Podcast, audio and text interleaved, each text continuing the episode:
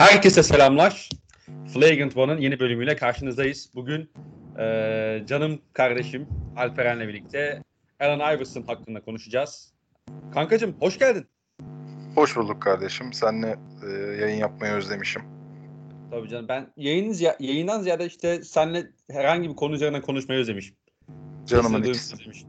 Canımın içisin. Bugün Öyle. e, ciddi konuşma kotamızı fazla fazla dolduracağız inşallah. Ya ya rahat ya ya rahat ya sıkıntı yok.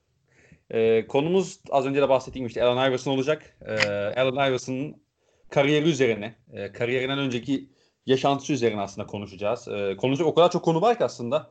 Ee, yani nereden başlayacağımı da aslında pek bilemiyorum ama istersen e, NBA öncesi kariyerinden kısaca bahsedelim Allen Iverson'ın. Şimdi e, Allen Iverson bildiğiniz üzere aslında Virginia Hampton doğumlu ve e, annesi ya bildiğim kadarıyla babası Iverson olduktan sonra onları terk ediyor yine çok yani genç yaşta. Birçok NBA oyuncusunda da aslında e, gördüğümüz bir hani trajedi diyelim. Neyse annesi Anne ile birlikte işte yaşıyorlar. Yaşadıkları bölge çok tehlikeli bir bölge. Çok e, fakirlik içinde büyüyorlar zaten. Hatta işte Allen Iverson birçok arkadaşını mesela e, işte kaybediyor. Silahlı şekilde silahla vurulup e, öldürülüyor bu e, çocuklar genç yaşta bile. E, Iverson onlardan biri olmuyor niye, e, neyse ki. Ve işte çok sıkıntılı bir süreçten geçiyorlar. E, derken işte Allen Iverson e, Battle Lisesi'ne gidiyor. E, oturduğu bölgede. Orada hem futbol oynuyor hem basketbol oynuyor. Ve işi şöyle bir kısmı da var. Hani Allen Iverson her ikisinde de çok başarılı lisede. Ve hatta işte bir ma- e, futbol maçından sonra işte kup- orada e, kupayı kazanıyorlar. Şampiyonluk kazanıyorlar.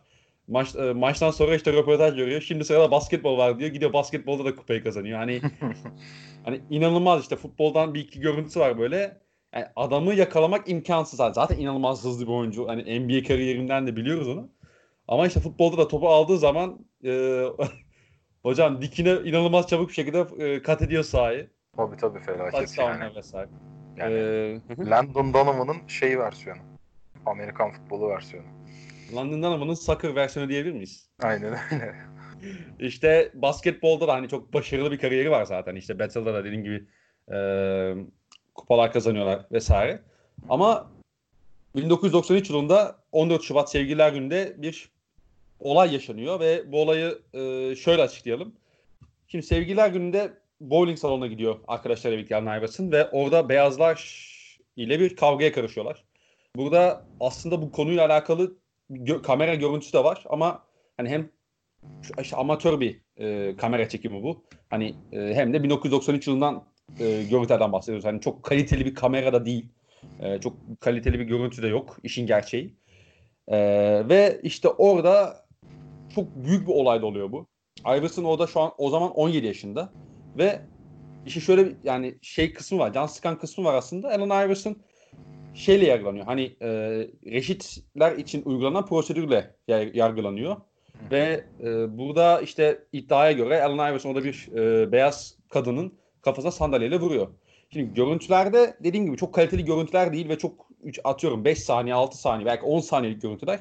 Ve oradan kimin e, Iverson olduğunu işte kimin kime vurduğunu falan çok göremiyorsun. Hani evet bir görüntü var evet siyahiler beyazlara saldırıyor. E, ama kim kime vuruyor Iverson hangisi onu çok ayırt edemiyorsun açıkçası. Ve Iverson aslında orada 5 yıllık da bir hapis cezasına çarptırılıyor. Tabii ki iddia Iverson iddiası e, yapmadığı yönünde. E, ben yapmadım işte kadına vurmadım diyor vesaire. İşte birkaç arkadaşıyla birlikte e, işte hapis cezasına çarptırılıyorlar. O dönemde de bu e, işte yani 93 yılından bahsediyoruz aslında. Hani çok çok uzun e, süre önce ola- yaşanmış bir olan değil. Çok yani yakın geçmiş aslında. Ama orada bile Amerikan e, Amerika içindeki o ırkçılığı da görebiliyorsun ve siyahilerin daha hala o dönemde aslında kendi haklarını savunmak için e, böyle belki e, ne derler hani çok ciddi mücadele vermeleri gerektiğini de anlıyorsun. Ve nitekim e, orada siyahiler ayaklanıyor. Bayağı bildiğin toplanıyorlar işte şeylere gidiyorlar. E, mahkemeye gidiyorlar, duruşmalara katılıyorlar vesaire. Iverson'ın ve arkadaşlarının o cezayı aldıklarında görüntüler var. Hüngür hüngür ağlıyorlar. Yani sanki kendi çocukları bu cezayı almış ya da kendi çocukları işte atıyorum vefat etmiş gibi üzülüyorlar hakikaten. Çok e, hani etkileyiciydi yani o görüntüleri izlemek. E, onun dışında Hatta şey de yapıyorlar. Işte Swiss adına bir şarkı çıkartıyorlar. Swiss'te dört kelimeden oluşan bir harf aslında ve o, o da şeyi temsil ediyor. Ee, o dört o insanın işte Iverson ve arkadaşlarının soy isimlerinin baş harfi. İşte S, W, I, S yani işte Swiss diye bir şarkı çıkartıyorlar ve bunu hani güzel de bir şarkı böyle yani ritmi de bir şarkı. Ee, onu geçen bir dinleme şansım oldu yani çok kısa. Neyse işte daha sonrasında bu iş büyüyor ve hani bir şekilde e, yanlış hatırlamıyorsam işte Virginia eyaletinin işte siyahi bir valisi var ve o işin içine giriyor. Bir şekilde bunu hallediyorlar. Hani Iverson 5 e, yıl yatmıyor Allah'tan. 4 ay diye biliyorum. Evet yani aynen. O civarda bir e, süre hapishanede kalıyor, içeride kalıyor. Ve tabii ki ama bu onun basketbol kariyeriyle alakalı bazı şeyleri de hani soru işaretlerine beraberinde getiriyor. Çünkü e, Iverson işte az önce bahsettiğim gibi yani hem futbolda çok başarılı hem basketbolu çok başarılı ve hatta yanlış hatırlamıyorsam annesinin ısrarı üzerine basketbola yoğunlaşıyor. Ee, ama işte bu da şey var tabii. Şimdi Kentucky, Duke gibi kolej e, işte çok böyle prestijli okullardan o şeyi de kaçırıyor. Hani sonuç olarak e, burs fırsatını da kaçırıyor.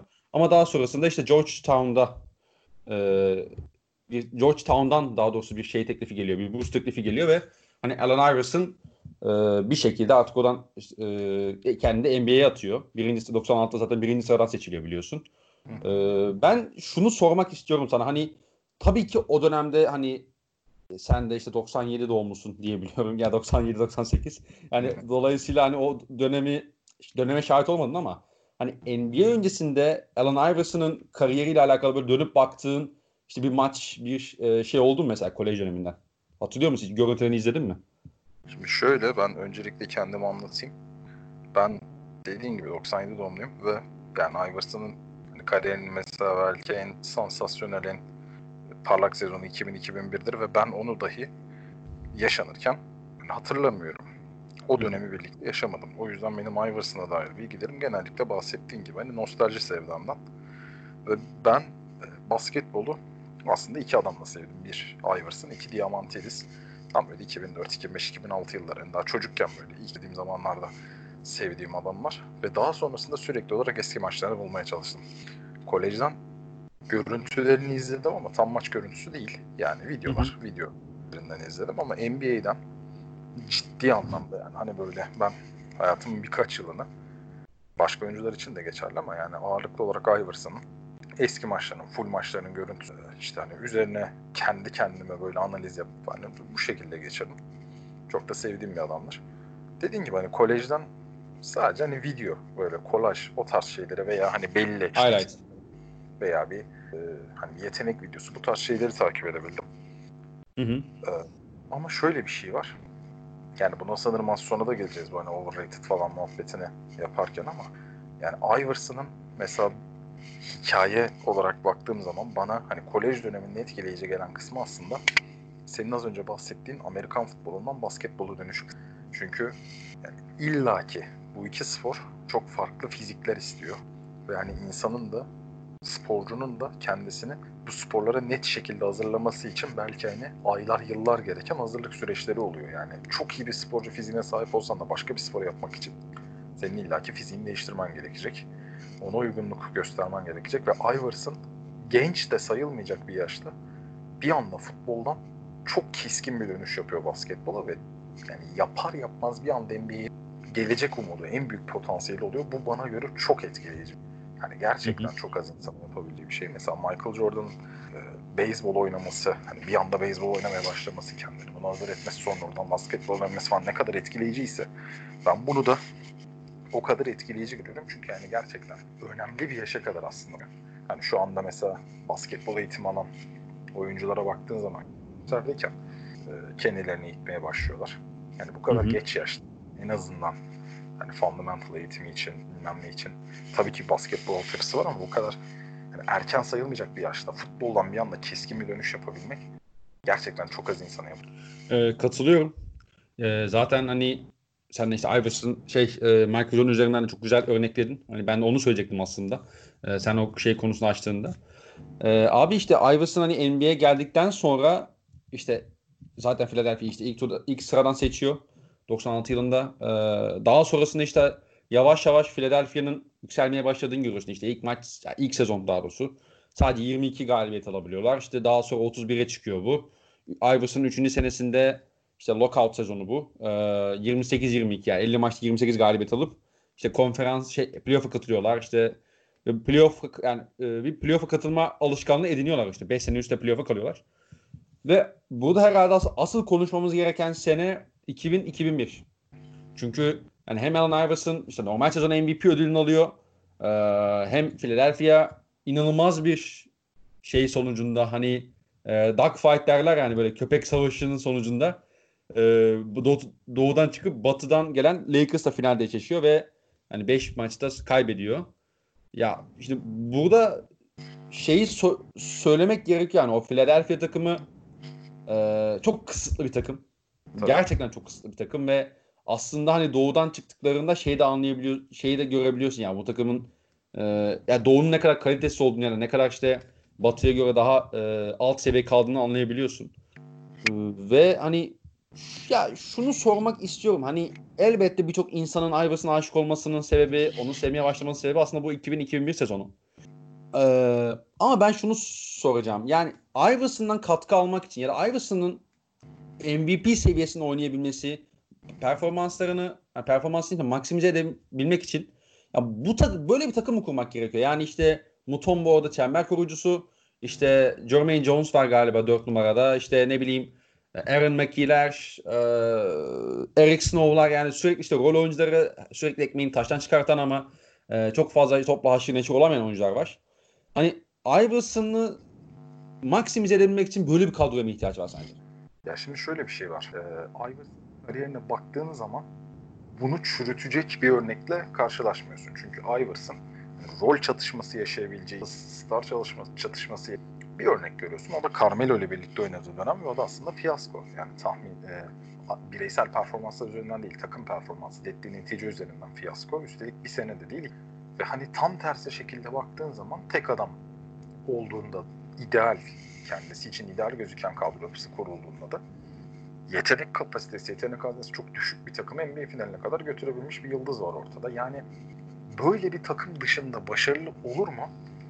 Bunu hani dediğim gibi Carmelo ile birlikte oluşturdukları ikili dışında görme şansımız olmadı. Hani belki çok daha ideal gözüken veya hani tahmin edilmeyeceğiniz bir uyum yakalayacağı biriyle olabilir miydi? Bilmiyoruz. Bu bir bilinmez olacak ama hani genel şablona, Iverson'ın genel kariyerine baktığımız zaman evet bu doğru gözüküyor aslında. Yani Iverson'dan maksimum verim almak için ki hani birazdan geliriz aslında Carmelo'dan böyle çatışması sebepleri de biraz o. Yani Iverson'dan verim almak için şimdi 1.83 boyunda ve o dönem 2 numara oynayan hı hı. çok hızlı olmasına rağmen, atlet olmasına rağmen illa ki fiziksel defektler olacak özellikle savunmada. Hani çok iyi bir top hırsızlığı vesaire ama hani nihayetinde savunmada oluşturacağı tehdit ortada. Artı top kullanmayı çok seven, topu domine etmeyi seven bir adam. Çok asist yapıyor gibi gözükmesine rağmen yani aslında istatistiğe baktığın zaman asist ortalamaları yüksek ama yönlendirici bir adam değil. Yani Iverson asistleri klasiktir.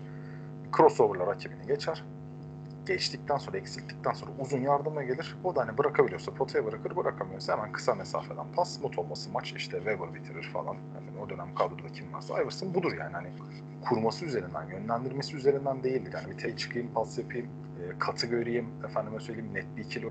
Bu tarz değildir onun asistleri. Genellikle hani bireysel ISO'suna bakar, skoruna bakar ve doğal olarak bunları taşıyabilecek, kaldırabilecek ve onun yapmadığı ya da hani belki oyun için aktif dinlenme yapması gereken şeyleri yani özellikle de işin savunma kısmını yapması gereken bir kadroyla oynaması her zaman çok da verimli olacaktır onun için. Yani bu dediğim gibi hani kariyer çizgisine baktığımız zaman ortaya çıkarttığımız bir şey. Yani ben şey yorumunu reddedemeyeceğim. Evet Iverson'dan en ideali böyle bir kadro. Aslında hani birçok açıdan bizim e, işte Russell Westbrook'a da benzetiyorum açıkçası hani Iverson hem oyun tarzı hem de aslında işte per, maksimum performans vermesi gereken kadro yapısına baktığımızda. Ee, bir de hani defekleri de aslında aynı. Yani işte Iverson'da, Westbrook'da sürekli top şey savunmada kumar oynamayı seven oyuncular. Ee, işte geçen işte Lakers serisinin 3 maçını izledim. 3-4 maçını izledim. İşte to- Toronto serisinden 2 maç izledim. Ee, Iverson'da şey görüyorsun hani sürekli o top çalma riskini, top çalma kumarını oynayan ama genelde de başarısı olan bir adam. E, bu bizim hani Westbrook'ta da çok vardır yani. E, bir de abi şey de var hani işte aslında overrated kısmına belki buradan bağlayabiliriz. Ee, çok toplu oynadığı için ve hani inanılmaz bir saha görüşüne de sahip olmadığı için aslında hani Iverson'da şeyi de görüyorsun. E, takıma zarar da verebiliyor. Hani Tabii. öyle bir top kaybı yapıyor ki öyle bir şuta kalkıyor ki ya direkt işte dönüşü fast break oluyor mesela. Ya da savunmada e, tamamen uyuyor. Kim takip etmiyor da bunu çok kolay bir işte ne bileyim işte bir dip çizgiden katla sayı yedirebiliyor vesaire baktığın zaman. E, yani ama şimdi yine Westbrook örneğinden üzerine gidecek olursak abi adam açık alanda affedersin ama yakaladığı zaman sikiyor yani. yakaladığı zaman affetmiyor. İnanılmaz bir sürat. Kimseye yanına yaklaşamıyor zaten. Ee, bir de şey baba yani o crossover'larla işte o highlights'larıyla baktığın zaman yani e, çok böyle şeyle kafayı yormadıysan işte istatistikle ne bileyim işte doğru oyunla kafa yormadıysan Iverson herhalde NBA'de sevip sevileceğin e, bir numaralı yani en işte 3-4 oyuncudan biridir herhalde yani. Ya şimdi şöyle bir şey var. O konu biraz keskin. Aslında overrated konusu da keskin. Sevip sevmeme konusu da keskin. Şöyle Iverson insanların bakış açısı olarak hani ortada kalmakta çok zorlanacağı bir adam. Iverson'ı ya çok seversin ve çok iyi olduğunu düşün. Ya da Hı hı. hiç sevmezsin ve çok abartı olduğunu düşünürsün. Çünkü kendisi hem kişilik olarak, karakter yapısı olarak hem oyun yapısı olarak senin ortada kalmana müsaade eden bir adam değil. Yani az önce de bahsettiğimiz gibi takımının tek adamı, sorumluluğu tek yüklenicisi, artı olarak çok aykırı bir karakter. Hem de yani buna sanırım az sonra o başlığa geliriz. İnanılmaz aykırı bir karakter. Dönemine göre hani NBA'yi de belki imaj olarak çağ değiştiren bir adam. Hani böyle bir adama karşı hani dediğim gibi senin nötr kalman veya ya şu özelliği de şu kötü yani bunu demek gerçekten büyük olgunluk istiyor çünkü bu imkanı sana vermiyor. 2001 Philadelphia takımı için de şöyle bir durum var. Söylediğin her şeye katılıyorum. Lakin şimdi ben 2001 Philadelphia takımı üzerinden baktığımız zaman hani şu gerçeğin atlanmasına kesinlikle karşı çıkarım. Her ne kadar kadro yapısı olarak onun istediği profilde kadro olsa da gerçekten yetenek haznesi. Yani 30 dakika süre alan oyunculara bakıyorsun mesela 30 dakika ve üzeri. Yani en yüksek sayı ortalaması 12 sayıda Radcliffe. Ve yine Hı hı. 30 dakika üzeri süre alan oyuncularda %30'un üstünde üçlük atabilen oyuncu yok ki. Yani bu tip kadro yapılarında hani bir starım var, arkada bir kalecim var, Mutombo gibi. Çok iyi bir savunma takımı oldu Philadelphia. Yani takım olarak çok iyi bir savunma takımı ve çok çok da iyi bir rebound takımı. Yani Iverson Evet. dışında zaman zaman Iverson'dan hani havuza düşen topları diyor ama yani kısalarıyla uzunlarıyla çok iyi bir rebound takımı. Kısalardan çok büyük rebound katkısı veriyor. Hani kimi takımlar vardır set savunmasını yapabilmek için de bazen savunma yerleşimini koruyabilmek için rebound konsantrasyonunu zaman zaman düşürür veya rebound olan eforu düşürür. Yani ben Hı hı. tekrar vereyim ama eksilmeyeyim der. O Philadelphia hem iyi savunma yapan hem de çok iyi rebound çeken bir takım ama yani hücuma geldiğin zaman mesela önemli süre alan oyuncuların içinde %30'un üstünde Iverson'ı kenara koyuyorum. Üçlük atabilen bir yardımcı bulamıyorsun. Hı hı. İşte Snow'un McKee'nin yani yönlendirici ki işte rolleri çerçevesinde hani çok başarıyla aslında hani o gömleği giydikleri bir Mutombo'dan zaten bahsettik, Jones'tan bahsettin ama Cleveland'la yarışacak kadar aslında sürpriz bir film. Sürpriz. Belki izlerken sürpriz gelmiyor çünkü izlerken sahada rolleri oturmuş Iverson'ın liderliğinde o maçı alacağını hissettiren bir takım görüyorsun ama dışarıdan kuş bakışı kağıt üstünde baktığın zaman ya bu takım nasıl final oynuyor? Yani mesela 2018 Cleveland'la da kıyalır ama 2018 Cleveland'ın sıkıntısı aslında yeteneksizlik değil kalitesizlikti. Yani yetenek deposu bir takım. İşte Clarkson'da var bir yani üstün. Rodney Hood var mesela baktığında. Yani aynı şekilde.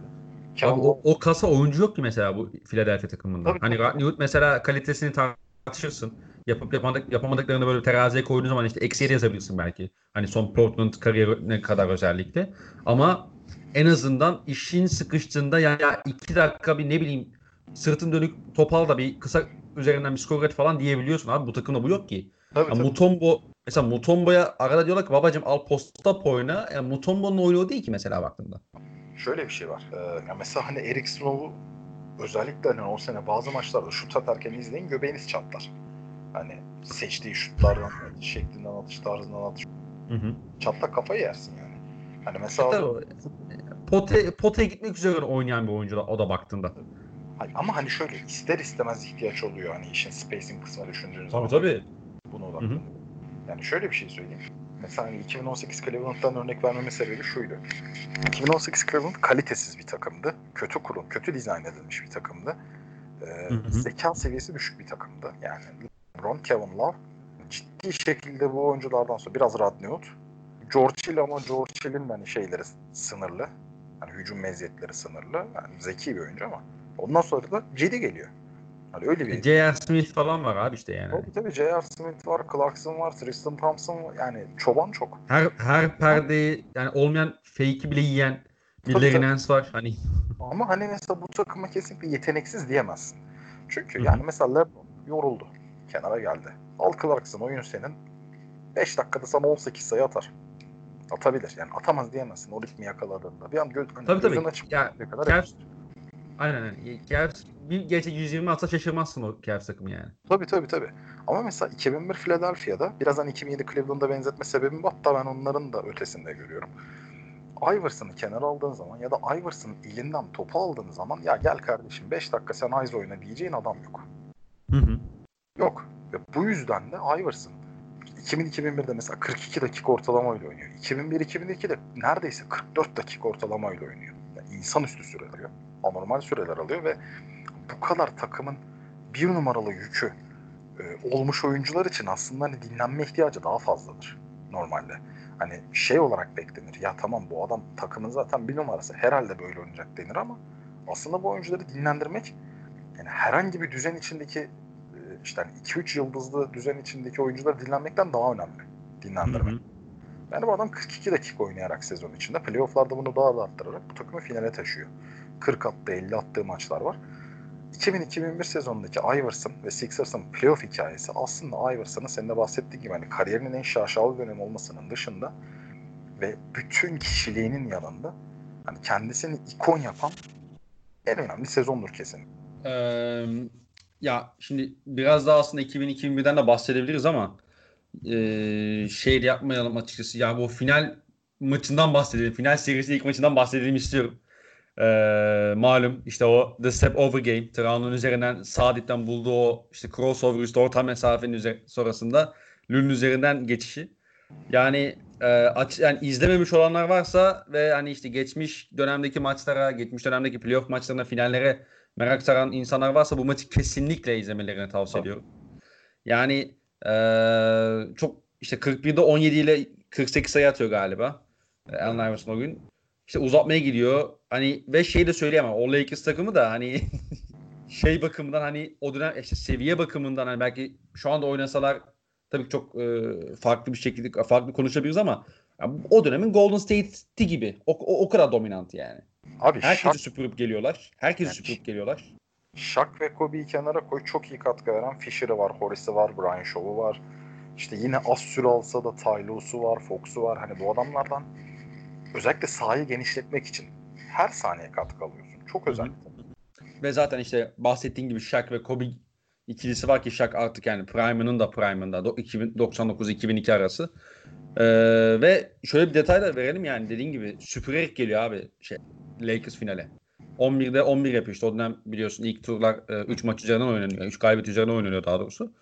İşte Kings geliyor, süpürüp geliyorlar işte şeyi süpürüyorlar ne bileyim San Antonio'yu süpürüyorlar hani bir sene önce şampiyon olmuş takım. Pardon, iki sene önce şampiyon olmuş takım. Ee, 2.99'da. Yani neyse işte ee, ve bu da açık ara favori oldukları bir seride ilk maçta mesela kendi evlerine kaybediyorlar ve hani Iverson'da yani sonda Eric Snow'un da ciddi katkısı var tabii de. Yani tek başına alıyor abi işte maçı yani. İnanılmaz Abi- bir şey. Mesela ben çok şey oldum. Bir takımın hücum, bir takımın her hücumu mu bir oyuncu üzerinden döner ya? Şimdi oyun yapısı olarak değil de başka bir şey söyleyeyim. Kaan Kural'ın daha önce söylediğini yani Kaan Kural'ın söylediğini hatırlıyorum. Bir laf vardı. İşte Isaiah Thomas, Allen Iverson bu tarz oyuncular için basketbolla açıklanmayacak hani bir yürek detayı var diye. Yani mesela hani herhangi bir oyuncunun ya tamam biz bu sahadan mağlup çıkarız psikolojisinde oynayacağı maça. Hani inancın, kazanma hırsın falan çok ötesinde gerçekten yürek koyan bir adam. Özellikle o dönemlerde ve hani bu bir de deplasmanda oynuyorlar Lakers'ta. Yani kendi sahalarında Evet. da değil. E, Staples'ta oynuyorlar. İnanılmaz bir e, kararlılık koyuyor. Herhangi bir hücumda topu eline aldığın mesela takım sayı Kobe cam şatı soktu geriye düştüler düştüler. Iverson ertesi hücum topu aldığında ben bu takımı tekrar öne geçireceğim. Kararlılığını ve yüreğini son ana kadar iliklerim. Yani bu yeteneğin, e, meziyetin, işte büyük oyuncu falan çok ötesinde bir şey. Yani ben Kobe ile Shaq'la oynuyorum. Etrafımda çok iyi oyuncuların olduğu bir yapıyla oynuyorum. Yani benim etrafımdaki oyuncular kısıt. Böyle bir düşünce kesinlikle yok. Ben sonraki hücumda bu şutu sokacağım. Sonraki hücumda potaya gideceğim. Basket faal olacağım. işte bilmem neyin bileğini kıracağım. İlk gördüğüm anda skoru atacağım. Mesela Shaq'la defalarca şu pozisyonu var. İlk adama geçiyor direkt potaya gidemiyor. Yani müthiş bir delici olmasına rağmen hani çoğu pozisyonda direkt potaya gidemiyor. Yani çok keskin bir stop veriyor ki hani bu hızı hani hem ilk adım hızı hem dribbling hızı hem de stop hızı NBA tarihinin en üst düzey oyunculardan bir tanesi. Ve bir anda hani yakın mesafeden şuta kalkıyor orta mesafenin daha iç kısmından hani boyalı alandan çok yakın bir yerden. Şak üstüne çıkmasına ama Şak'ın üstünden defalarca şut sokuyor ve çok sinirini bozuyor mesela. Hani Şak'ın sinirini hı hı oyun üstünlüğünüzle kolay kolay bozamazsınız. Yani şaka ben bunu çare bulamıyorum dedirtemezsiniz kolay kolay ve maç içinde birkaç kere şakın suratını çok düşürüyor bu isabetleriyle. Dev gibi bir adam NBA'nin en dominant oyuncususun o dönemde çünkü hani artık Jordan falan da yok. Sahne senin. Çıkacaksın şampiyonluk alacaksın ve önünde 1.83 boyunda bir adam var. Her pozisyonda neredeyse senin elinde bozmayı başarıyor. Bu gerçekten bütün o kalitenin karakteristik bir farklılık aslında. Yalnız bir de şöyle bir şey var. Hani o konuda kesinlikle hakkını vermek gerek. Ee, az önce normal sezondan bahsederken yüzdelere verdim ama playofflarda Sixers'ın final yürüyüşünde Aaron McKee'nin kesinlikle hakkını vermek gerek. Playoff'larda bambaşka şut atıyor. Yani ciddi anlamda takımını atlatıyor ve hani kritik noktalarda atıyor. Ee, ama yine yanına birini ekliyorlar dış atıcı olarak. Ki Aaron McKee de sadece atıcı baktığın zaman. Tabii. Ee, abi şimdi 2001'de hem Iverson hem o Sixers takımı artık zirvesine de zirvesine ulaşıyor ama aslında ondan sonra da yavaş yavaş e, takımın düşmeye başladığını görüyorsun. İşte zaten Iverson 2001-2002 sezonunda 60 maça çıkabiliyor sakatlıklardan dolayı. İşte Philadelphia o sezon ilk turda Boston'a eleniyor 3-2. E, 2001-2002 sezonunda. Ki işte o ele playoff serisinden sonra işte e, şeyin koç e, Brown'un da şeyi var işte Iverson'a e, ne derler işte Larry Brown'un da eleştirileri var işte şey katılmıyor diye. E, şeyleri kaçırıyor işte practice işte antrenmanları kaçırıyor diye. İşte Iverson onun üzerinde bir şey yapıyor. Anı sen söyle. E, koça şey yapıyor böyle bir o da cevap veriyor aslında baktığın zaman. E, zaten işte lakabı da answer yani. Sürekli her şeye cevap veren de bir karakter sonuçta. Aynen. E, ya işte ilk turda eğleniyorlar. Daha sonrasında işte e, 2002-2003 sezonunda şey de oluyor. Bir, bir sonraki sezonda işte mesela Mutombo'yu gönderiyorlar işte New Jersey Nets'e e, sezon başında. E, o hem işte Eric Snow ve Aaron McGee artık eski seviyelerine değil. E, derken hani bir düşüş devam ediyor. Hani buna rağmen işte 48-34 bitiriyorlar o sezonu. Ve ilk turda da hani işte New Orleans Hornets'i eliyorlar ama daha sonrasında Pistons'e eleniyorlar e, o playoff serisinde ve Larry Brown da e, 2003 sezonun 2003 yazında takımdan ayrılıyor. Zaten işte 2003 yazında da direkt Detroit Pistons'a geçiyor. Ve oradan da şampiyonluk geliyor zaten hani malum.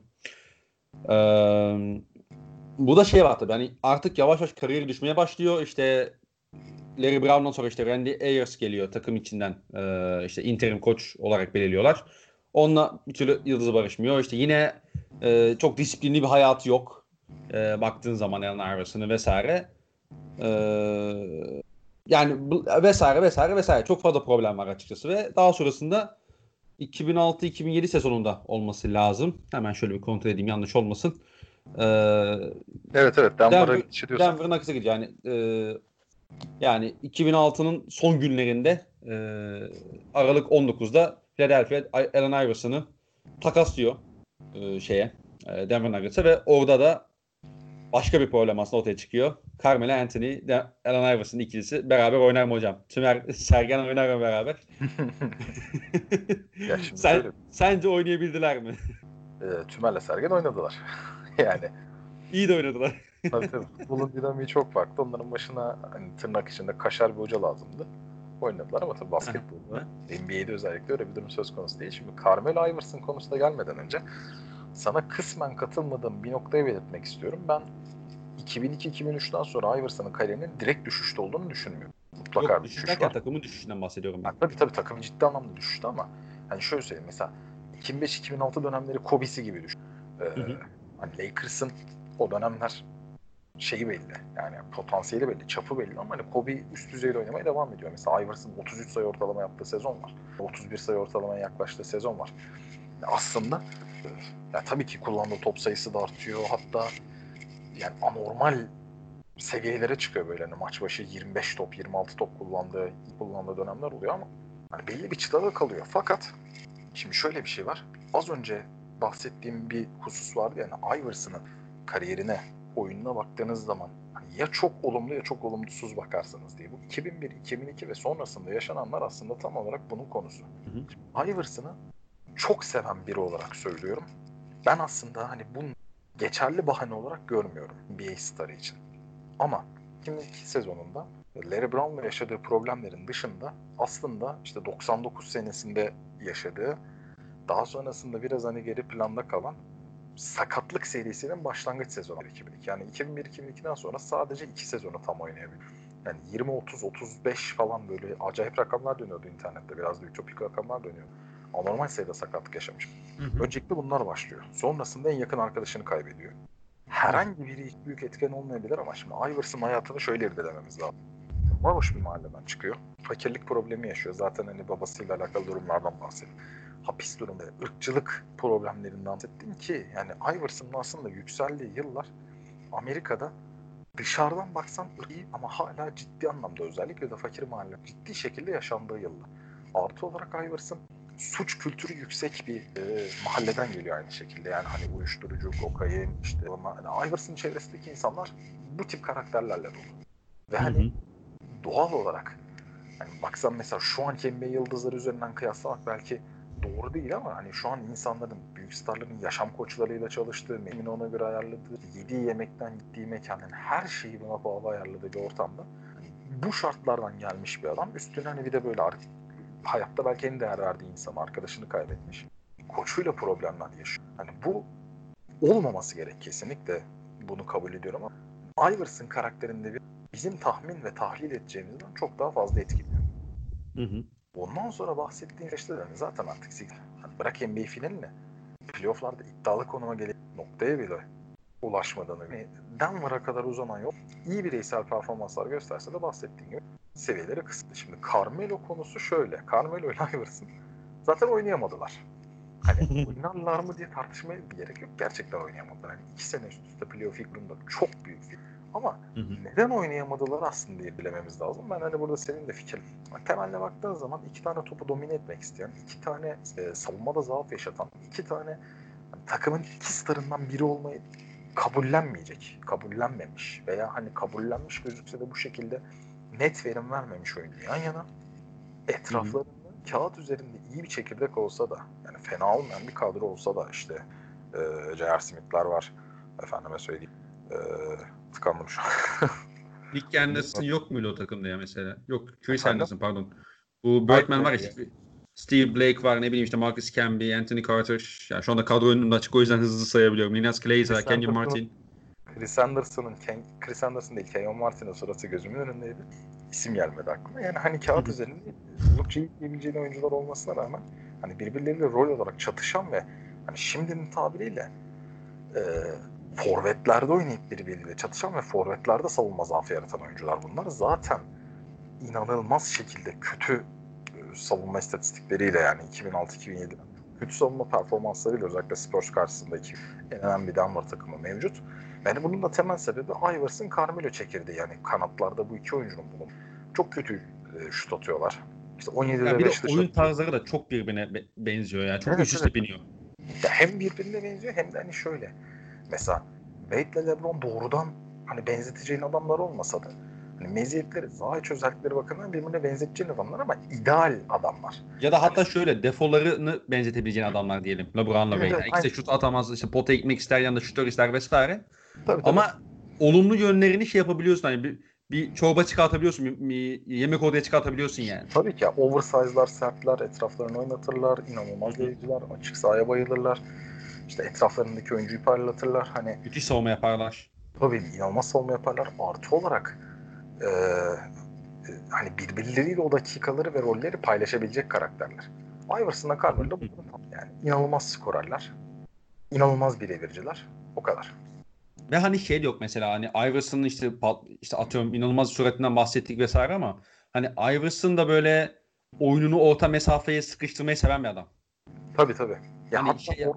J.R. Şey, J.R. Smith diyeceksin. Carmelo Anthony mesela herkese öyle yani. Tabii tabii mutlaka öyle ve hani e, o Denver takım mesela hani uzunlarında atıcı bulundurmayan bir takım. Hani iki tane bu alan uzun oynuyor genelde. Süreleri o şekilde paylaşıyorlar. Hani zaman zaman e, nadiren de olsa Carmelo'nun dörde kaydı ya da hani dört numarada e, daha fazla skor tehdidi olan oyuncularla dakikalar geçtik. Ağırlıklı olarak şablon içerisinde Denver takımının hani 4-5'ler boyalı alan oyuncusu. E, iki tane orta mesafeci hatta Iverson dediğim gibi hani orta mesafeden de biraz daha yakın. Yani şimdi işte oyunlarda falan close range diye geçen mesafeyi kullanmayı çok seven bir oyun. Hani bunlar birbirlerini çok tıkıyor. Ve hani hal böyle olunca senin rol paylaşımın, top paylaşımın her şeyin sıkıntı. Yani ben o e, Spurs serisini, şimdi yanlış hatırlamıyorsam Spurs serisi de sonra 2008'deki Lakers, Lakers. Yani 21'de 4 3 sayı isabeti, 20'de 5 3 sayı isabeti, işte 19'da 3 hani saçma sapan böyle kötü yüzdeler yaptıkları kötü savunmanın yanında aslında mecbur oldukları dış atışlardan da verim alamıyorlar. Çünkü bundan verim alabilecekleri bir düzen yok. Yanlış atış seçimleri, hani sezon içinde doğru olan şeyler dahi playoff sertliğinde, playoff ambiyansında ciddi anlamda yanlışa dönüyor ve yani büyük bir fiyasko bu ikili. Tabii. Ya playoff'ta şey zaten hani sonuç olarak senin yapabildiklerinden ziyade yapamadıkların daha belirleyici olmaya başlıyor. Çünkü rakiplerin tamamen senin iyi yaptık yaptığı şeyler elinden almaya ve yapamadığın şeyleri de gözüne sokmak üzerine sonuç olarak kafa yoruyor en nihayetinde. Yani Iverson ve hani şey kısmında da işte ben çok hakim değilim aslında o döneme de.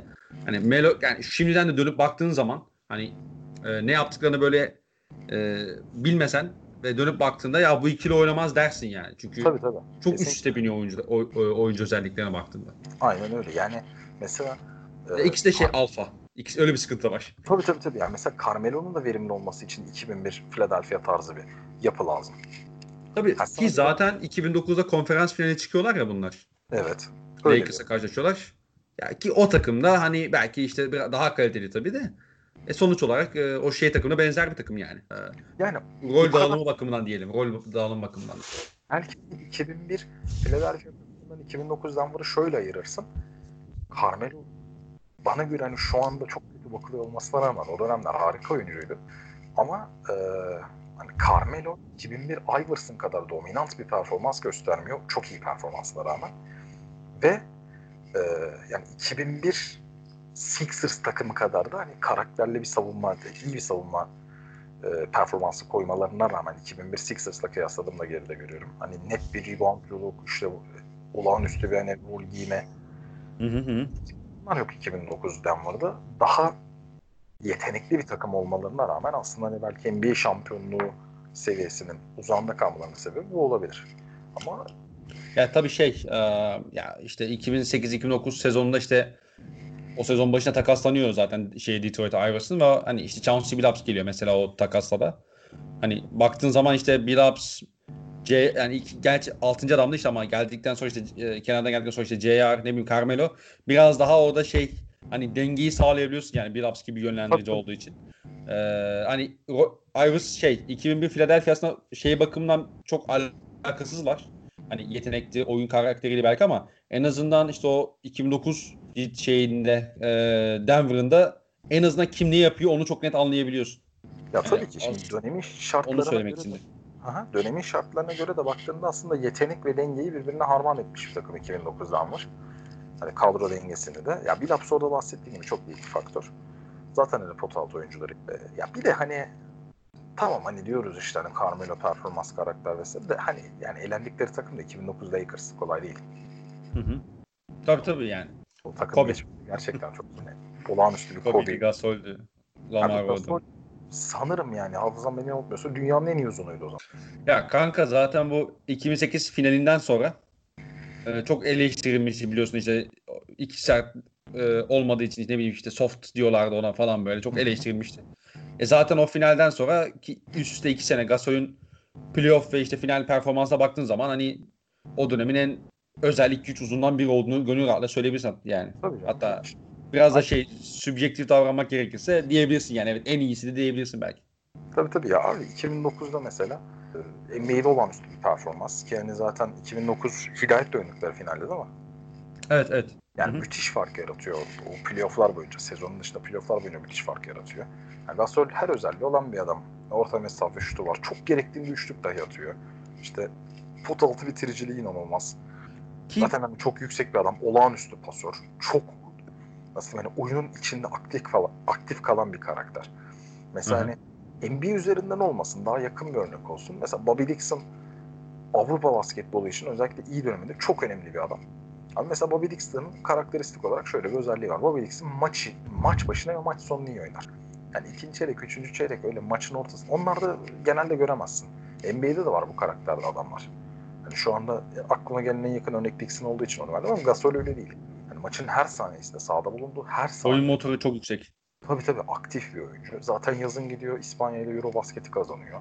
İşte 2010'da yine muazzam bir performans. 2011'i de belki dahil edersin ama işte o zaman Howard'ın anormal bir performansı var. O yüzden orada ayırıyorum. Yani 2009 ve 2010 bana göre dünyanın en iyi uzunluğuydu. Ee, yani bir de şey tabii o mesela ben Gasol'ün ya şimdi bunu Lakers podcast şeyine çevirmeyelim de ee, o Gasol'ün 4 numara oynarken kendini çok daha rahat hissettiğini düşünüyorum. Yani özellikle 2008'de Andrew Bynum'un o sakatlıkları ve finalde oynayamamasının da çok etkili olduğunu düşünüyorum. Hani Gasol'ün biraz sönük kalmasında. Tabii ki. Ee, çünkü daha sonra işte şey 4 numarada çok daha rahat hissediyor. İşte orta mesafe oynuyor ne bileyim işte high posttan yönlendiriyor falan yani. Hani Gasol yani sonuçta. Neyse. NBA'yi hani e, şutörlüğün bu kadar hani şut bandolunun esir almadığı dönemler. Yani Gasol'ü 4 oynatabildiğin dönemler aslında söyleyeyim. Tabii tabii tabii. 3'de Artest varken Gasol'ü 4 oynatabildiğin dönemler. Şimdi Ya. e, buyur. Ya Artes demişken aslında hani Detroit kısmından gelmeden önce eee, ya da neyse basketbolu bitirelim daha sonrasında o dress code vesaire muhabbetine döneriz. Eee, bu Detroit taka, yani Detroit'e takaslanıyor işte Chauncey Billups temelli bir paket karşılığında. Hı hı. Ama artık hani Iverson için herhalde eee, şeyin sonu gözüküyor diyebiliriz yani NBA'de. Yani Aslında çok da bir 2006 şey yok yılı- açıkçası baktığında. 2006 yılına dönmekte burada fayda var. Neden fayda var? Iverson 2006 yılında yani sezon içerisinde çok aslında e, istikrarlı skor katkısı veriyor. Yani çok top kullanmasına rağmen maç başı 25 topa yakın kullanmasına rağmen yani %45'e yakın bir saha içi yüzdesi e, 33 sayı ve hani 3 sayı yüzdesi hiçbir zaman maksimum bir adam olmamasına rağmen hani 10 yıllık periyot içinde de belki hani en iyi iki dış atış performansından biri vardır o sezon. Ee, Yüzde 32,5'a yakın bir şey olması lazım. Yani yayından önce bakmıştım. O %30 %32.3 kanka. Ha. Maç başına 3.1 denemede. Aynen aynen hani yayında bakmıştım. Hani az top kullanıyor. Az isabet buluyor dışarıdan ama hani eskiden çok top kullanıp az isabet bulan Bir bir de adam. Bir de bir sezonda en çok yani serbest atış çizgisine gittiği sezon da o. Tabii tabii hani zaten hani e, mükemmel olmasa da Hı hı. hani çoğu süperstarın yaşadığı bir sıkıntı. Hani kötü bir faul atıcısı değil. Tabii ki o yeteneğe göre bana göre bu arada Iverson'ın en büyük eksikliklerinden biri de odur bence. Yeteneğine aykırı şekilde faul yüzdesi olması gerekenden düşük bir adam. Ee, ama Hı hı. Yani 2006 sezonu çok iyi geçiriyor. İşte 32-33 sayı ortalaması olması lazım. Yine bahsettiğim gibi müthiş bir yönlendirici olmamasına rağmen önemli bir asist istatistiği var. Takımı çok iyi taşıyor. Ama hatta işte Chris Webber var o sene. Iguodala yeni geliyor falan. Hani iyi kötü etrafında da oyuncu var. Ama o sene şöyle bir sıkıntı var. Galibiyetle kaçırıyorlar. Ve şöyle kaçırıyorlar. Mart ayında Iverson bir sakatlık geçiriyor. Zaten senelerdir sakatlık problemleriyle uğraşmış bir adam. Yani 2003 senesi olması lazım. 2002-2003 sezonundan sonra her sene Iverson'ın sakatlığını konuşuyorsun. Bir gidiyor 30 maç kaçırıyor. Bir gidiyor 10 maç kaçırıyor. O sene tam her şey yolunda gider. Yani 10 gün hatta alması lazım.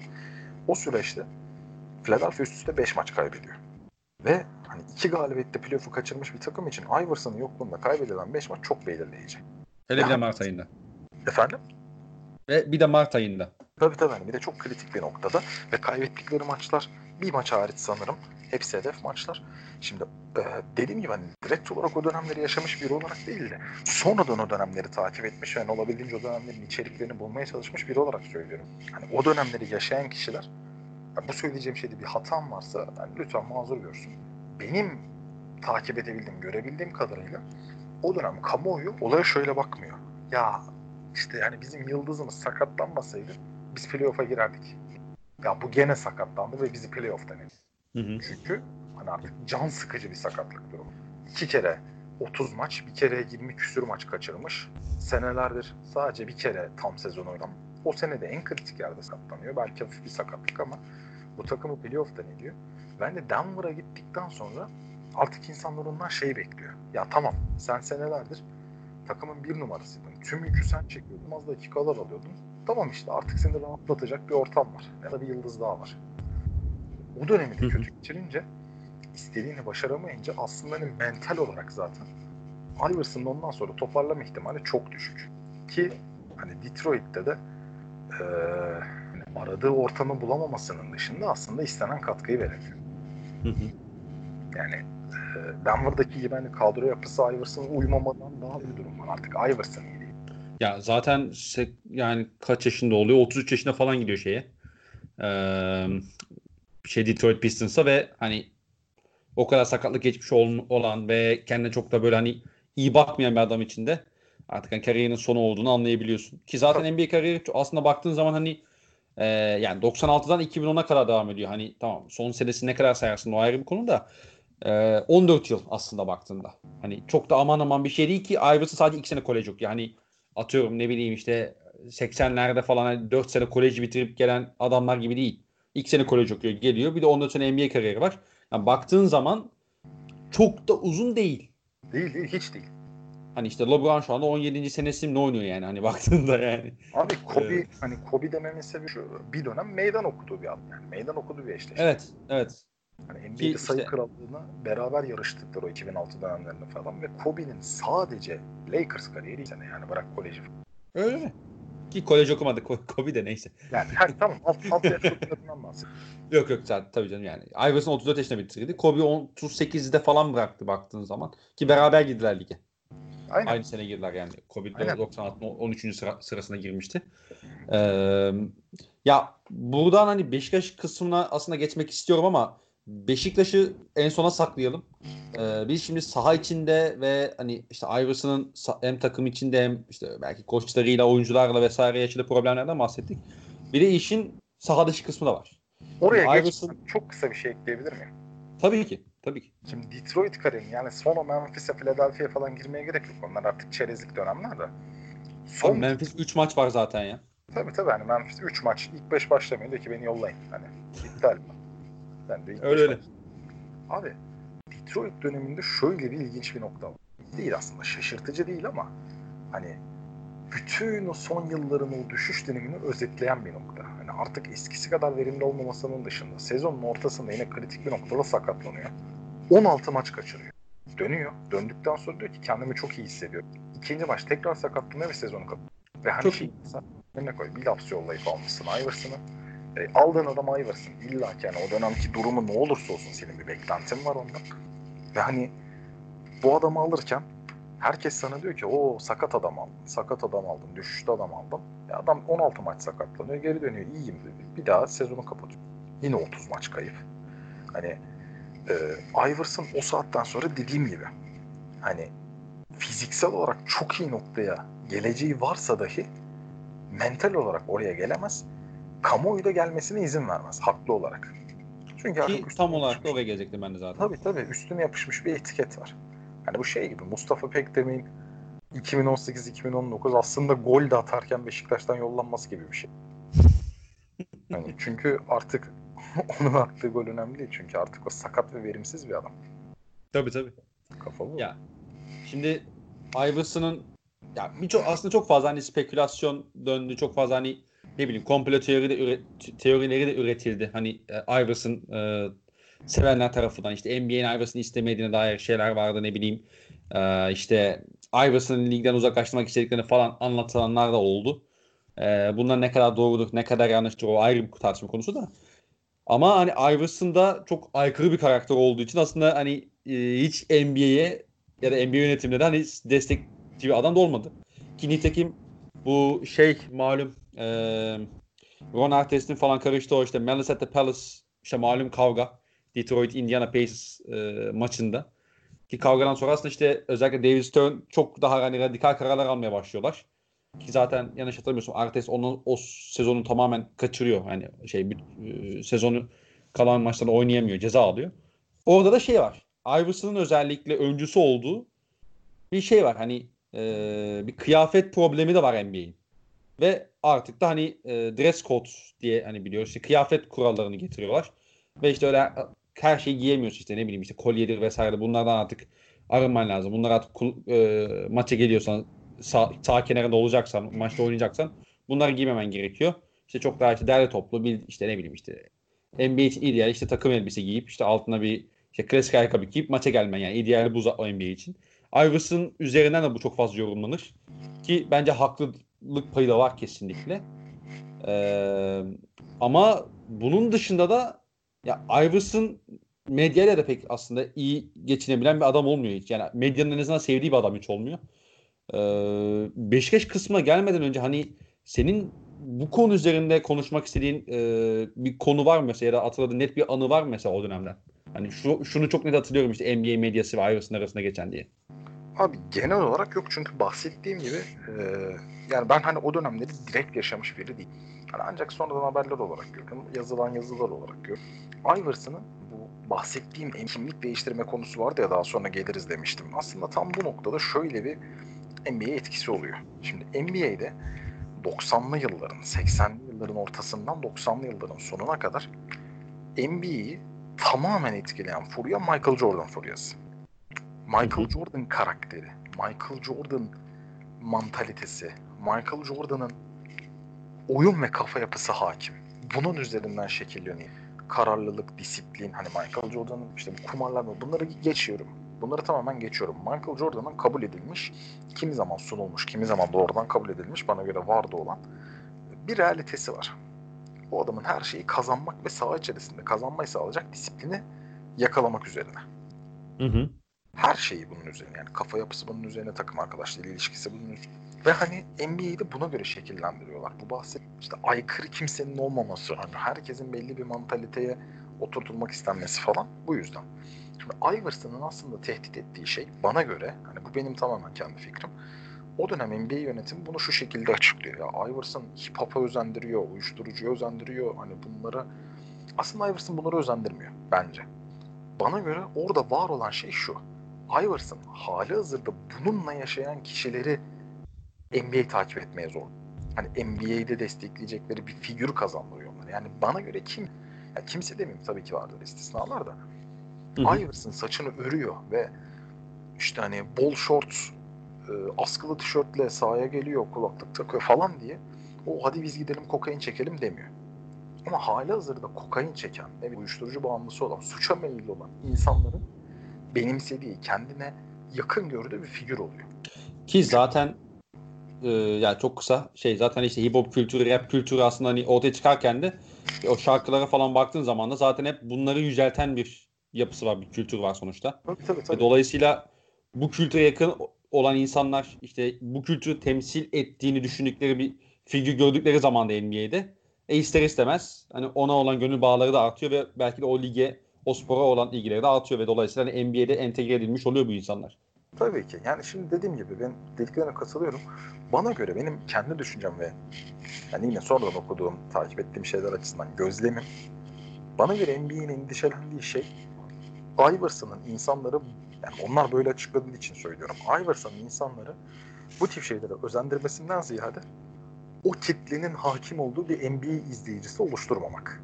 Yani hali hazırda bu suça meyilliliği olan insanların NBA izleyicileri içinde, NBA izleyici içinde dominant olmasını engellemek. Çünkü hı hı. seneler boyunca kurulmuş yani Jordan önderliğinde kurulmuş bir profil var. Bununla dünyaya yayılmış NBA. Bununla 200 ülkeye belki yayılmış. Bununla dünyanın bir numaralı spor organizasyonu olmuş. Yani bir anda bir adamın gelip mükemmel oynayan, aykırı işte hani bahsettiğim gibi içinde ırkçılık geçen, hapis geçen, inanılmaz bir çocukluk hikayesi, hayat hikayesi geçen, çok havalı, şaşalı ve yürekli bir oyun oynayan, yani çok yetenekli, yani kısa boylu ama NBA'in belki en dominant oyunlarından birini oynayan bir adamın bir de hani böyle bu işte hip hop kültürüyle efendime söyleyeyim bu hmm, hani yetiştiği yerleri anımsatan, çağrıştıran kültürle NBA'yi ve NBA'in e, kemiğini nasıl diyeyim imajını değiştirmesini bence istemiyorlar. Yani aslında temel sebep bu. Yani Hı-hı. şey işin makyajı. Yani işte çocuklar görüyoruz o işin makyajı. Benim kendi görüşüm. Ee, ya bu konuda NBA'de aslında hani anlıyorum. Çünkü dediğim gibi ben ortada senelerin emeği var. Ama az önce bahsettiğim durumda burada devreye giriyor. Şimdi siz Iverson'ı tek tipleştiremezsiniz. Iverson gibi bir karakteri değiştiremezsiniz. Iverson gibi bir karakteri tam kısıtlama getirirsiniz, zorunluluk getirirsiniz ama kıyafetten olması başka bir hareketinden. Sağ içinde, sağ dışında bir konuşmasından, bir hareketinden, bir davranışından, bir bakışından her türlü o aykırı, aykırılığı yakalayacak insan. Çünkü bu adam öyle bir adam. Ve aslında bana göre hani en daha sonrasında bunu yakalıyorlardı. Burada yapması gereken şey eyvah bu adam bizi değiştirecek endişesine kapılmak yerine bunu da kullanabilmek olmalıydı. Çünkü Iverson demek şu demek bir yerde. Yani siz böyle bir yerden gelseniz de, böyle bir hayat sürseniz de hani bu hayatı tamamen kötüleştirmek yerine Iverson gibi ikon olabilirsiniz. Yani Iverson demek aslında bu demek. O insanlara hitap etmesi gerekir aslında diyorsun aslında sen. Tabii tabii tabii. Yani şöyle ifade edeyim ben sana. Şimdi Iverson'ı e, yani nasıl anlatayım? Şimdi her insanın karakteri aynı değil. Mesela Dennis Rodman'ı işte The Last Dance'da izledik. Yani. O dönemi yaşayanlar zaten bilir. Şimdi Dennis Rodman'a herhangi bir oyuncuya yaklaştığın gibi yaklaşamazsın. Herhangi bir oyuncuya yaklaştığın gibi yaklaşırsan geçmiş olsun. O zaman Dennis Rodman'dan herhangi bir verim alamazsın. Ama bu Dennis Rodman'dan verim alma işi. Yani Dennis Rodman'dan verim almazsın ne olur? Bir oyuncuyu kaybedersin. Iverson öyle değil. Iverson'ı kaybedemezsin. Çünkü sen Iverson'ı farklı vermişsen özellikle belli bir yıla kadar Iverson bir şekilde lig içinde dominant olmaya devam edecek. Çünkü öyle bir o yetenekte, o büyüklükte bir oyuncu. Doğal olarak sen ya işte ben Iverson'ı istediğim böyle bir şey mümkün değil. Sen ne yaparsan yap. Ya sakatlıkları var, işte belki çok verimli olacak ama bu adam bir şekilde oynayacak ve kendini sevdirmeye devam edecek. Yani bu adam ya kim gibi anlatayım sana? Hani mesela Philadelphia taraftarları için şöyle bir adam. İşte Real Madrid'lerin Ronaldo'yu sevdiği gibi bir adam değil. Yani Napolililerin Maradona'yı sevdiği gibi veya Beşiktaşların Quaresma'yı sevdiği oynadığı topun ötesinde seviliyor. Tabii ama aynı zamanda da çok kutuplaştırıcı bir adam. tabii tabii kesinlikle çok kutuplaştırıcı ama hani seven kişiler bu adama tapacak. Öyle öyle. Sen, seven kişilerin sevgisini yok edemezsin. Sıfırlayamazsın. Bunu yapmaya çalıştığın anda ya da dolaylı yoldan buna sebebiyet verdiğin anda aslında izleyicini, kitleni kaybedersin. Ve çok büyük bir kaybedersin. O yüzden hani Öyle. Işte, dress kodlar bilmem neler. Ben bunları hani tabii ki NBA'nin endişelerini, kaygılarını anlamakla birlikte ben bunları çok yanlış görüyorum. Ee, ya şimdi Beşiktaş konusuna gelmeden önce çok e, hani aslında yayının başında da konu, muhabbetini yaptığımız şey konusunu e, konuşmak istiyorum aslında. Yani Iverson sence overrated bir e, basketbolcu muydu? Hmm. Yani çünkü işte 2000-2001 sezonunda şimdi overrated diyeceğiz. O zaman da deneyecek kardeşim bu adam 2001 yılında nasıl çıkarttı bu takımı finale diyecek. Yani diyenler olabilir. Ee, ama ya çok da eveleyip gevenemeden abi. Şimdi Iverson dönüp baktığın zaman mesela sence overrated bir basketbolcu muydu yoksa aslında şartlar mı onu overrated gösterdi? Abi aslında yani e, seni üzeceğimin farkındayım ama bunu mecburen eveleyip gevelememiz lazım. Çünkü şimdi overrated'ın tanımı bana göre şu. Çok üzüldüm be. Vallahi billahi. ya hayır yayın uzuyor diyelim. overrated'ın tanımı hani bana göre de değil aslında. Overrated'ın tanımı şu. Genel olarak kitle bu adama ne değer veriyor? Ve bu değeri hak ediyor mu? Iverson overrated mıydı sorusuna cevap net cevap veremememizin sebebi şu. Kitle bu adama eşit değer vermiyor. Mesela Kobe'nin de seveni vardır, sevmeyeni vardır ama Kobe'nin genel olarak NBA izleyici kitlesi üzerinde sabit bir yeri vardır. Iverson'da yok. Dediğim gibi yani Iverson'ı sevenler ikinci, sevmeyenler de ilk beşe ilk onu almaz. O yüzden hani ben şu şekilde bakıyorum. Iverson öven insanların, aşırı seven insanların gözüyle baktığın zaman çok overrated. Çok çok overrated. Diğer kitlenin gözünden baktığın zaman da underrated. Neden underrated? Evet bir kupa kazanamamış, evet kariyeri sürekli çalkantıyla geçmiş ama olağanüstü sezonları ve özellikle 2001'de olağanüstü hikayesi olan bir adam. Ve düşünülenin aksine tek sezonluk bir adam da değil. Veya 3 sezonluk bir adam da değil. Bu adamın nihayetinde ama öyle ama böyle in çıkışlı 12 iyi sezonu var. 96-97'den 2007-2000'e kadar 12 iyi sezonu var bu adamın. Aralarda tabii ki. O yüzden hani bu overrated konusu biraz insanların Iverson'ı ne noktaya koyduğuyla alakalı bence. Yine de genel bir cevap vermem gerekir. Sen bu kitleyi bir hani aritmetrik ortalama alıp ne söylememi istersin cevap hani böyle bir şey sorarsan eğer çok seviyor olmama rağmen ben overrated kısmına daha yakın, daha yak- yakın bakıyorum. Ya overrated kısmında hani sen kendi bakış açını güzel e, özetledin ama bir de şöyle bir durum var. Hani ben soruyu şöyle o zaman formüle edip sana bir daha sorayım. Şampiyon olu, e, şampiyonluk için bir takım kuracak olsan o dönemden. Allen Iverson bu takımın bir parçası olur mu? Yani takımın iki ya da üç süperstarın yani iki tane süperstar alabiliyorsun diyelim. Yani bunlardan birini Allen Iverson yapar mıydı mesela? Şampiyonluk yolunda bir takımın en iyi birinci ya da ikinci oyuncusu olabilir mi sence? Ya yandaki starın kim olduğuyla çok alakalı. Eğer yandaki star hani Pippen gibi Jordan'ın yanındaki Pippen gibi. Hani hem Ya işte Pippen'in yanındaki Jordan gibi falan değil mi kanka? Aynen öyle. Pippen gibi hem muazzam oynayıp içinde hani oversize olur, müthiş savunucu olur, çok önemli bir hücum parçası olur. Bir yandan da ya tamam Iverson birinci adam olsun da ben ikinci takılırım diyecek bir adamsa alırım. Niye almayayım? Ama öyle bir Ya adam. benim o konuda işte bazı soru işaretlerim var. Abi şöyle, Çünkü Heh, söyle söyle söyle. ha, ben lafa girdiğini fark etmedim. Buyurun. Yok ya çok kısa şey abi yani ben şöyle düşünüyorum. İşte hani mesela Michael Jordan'ın işini çok kolaylaştırdığını söyleyebiliriz ki zaten kendi de hani Pippen olmasaydı bu altı şampiyonu ben kazanamazdım diyor. Ki bu adam hani tabii ki yani Pippen'a kredi vermek için söylüyor ama yani sonuç olarak bu kupaları kazanmış, bu başarı elde etmiş adam bunu söylüyorsa ben benim aksini iddia etmem çok mantıklı olmaz. Ee, ama mesela Michael Jordan'da ne bileyim işte şu, özellikle bence 2016'dan sonra LeBron'da işte Kobe Bryant'ta olan bir şey var. Yani bu adam e, maça çıktığı zaman şeyi gösteriyor sana. Ben bu maçı alacağımı hissettiriyor. Ya da atıyorum Tabii, tabii. o son topu sokacağını hissettiriyor. Bence Iverson onu hissettirdiği dönem belki işte bir sene işte 2001 olabilir. Hı hı. Ya doğru, Başka doğru. yok. Ben hani burada soru şey olduğu için buna hani alır mısın? Alırım. Hani yanında böyle bir adam varsa alırım ama hani Iverson'ı mı alırsın, saydığın adamlardan birini mi alırsın dersen cevabım değişir. Hayır bak anladım ne demek istediğini ama yani ben şeyi söylüyorum hani senin sen dedin ya böyle işte atıyorum yani Pippen tarzı bir adam olursa alırım ya da alabilirim. Ben öyle bir adam olsa bile alır mıyım? Yani işte ideal takım kurulsa bile etrafına herhalde almam ya. Hani şampiyonluk için yola çıkıyorsam açık Ya konuşmak tabii, gerekirse. tabii. Çok seviyorum ben. Aha, Iverson hani. Ya bu çok saygı duyulası bir görüş. Hani almaman için aslında sana daha çok sebep vermiş bir adam kariyeri boyunca. Aynen öyle. Aynen öyle. Ha şöyle bir şey olabilir. Yanında hiç böyle bir adamla oynamadığı için hani belki böyle bir adamla oynasa atıyorum 2001 senesinde böyle bir adam olsa yanında ve Hı. çok zor ama bir şekilde o Lakers'ı geçip şampiyon olsalar belki kariyeri bir anda değişecek ve bir anda hani bahsettiğim o Kobe'ler gibi, LeBron'lar, Jordan'lar gibi hani çıktığı maçı alacağını hissettiren, bunu kendi hisseden ve insanlara da hissettiren bir karaktere bürünecek. Bunu hiçbir zaman bilemeyeceğiz. Tabii. Yani kariyer çizelgesine baktığın zaman evet almamaya çok saygı duyuyorum. Tekrar bahsediyorum. Hani az önce böyle alır mısın? Hani yanında böyle bir adam olsa alır mısın? Sorusun cevabı alırım. Ama Okey. ya bana desen ki Iverson mı Kobe mi?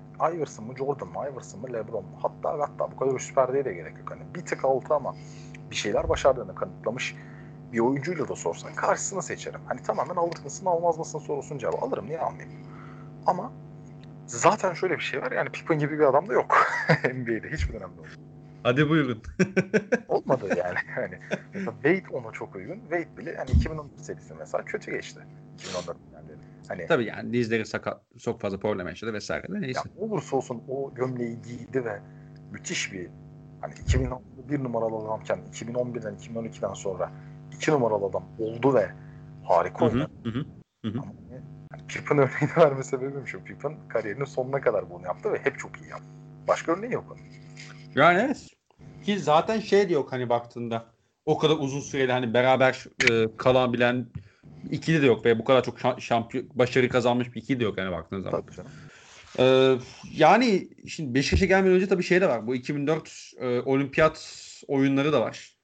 Ee, orada aslında hani Iverson'ın başını çektiği bir takım var. Hani işte tamam isimlere baktığın zaman işte Carmen Anthony, LeBron James, Dwayne Wade gibi isimler de var işte. Tim Duncan da hakeza işte o takımın kaptanıydı.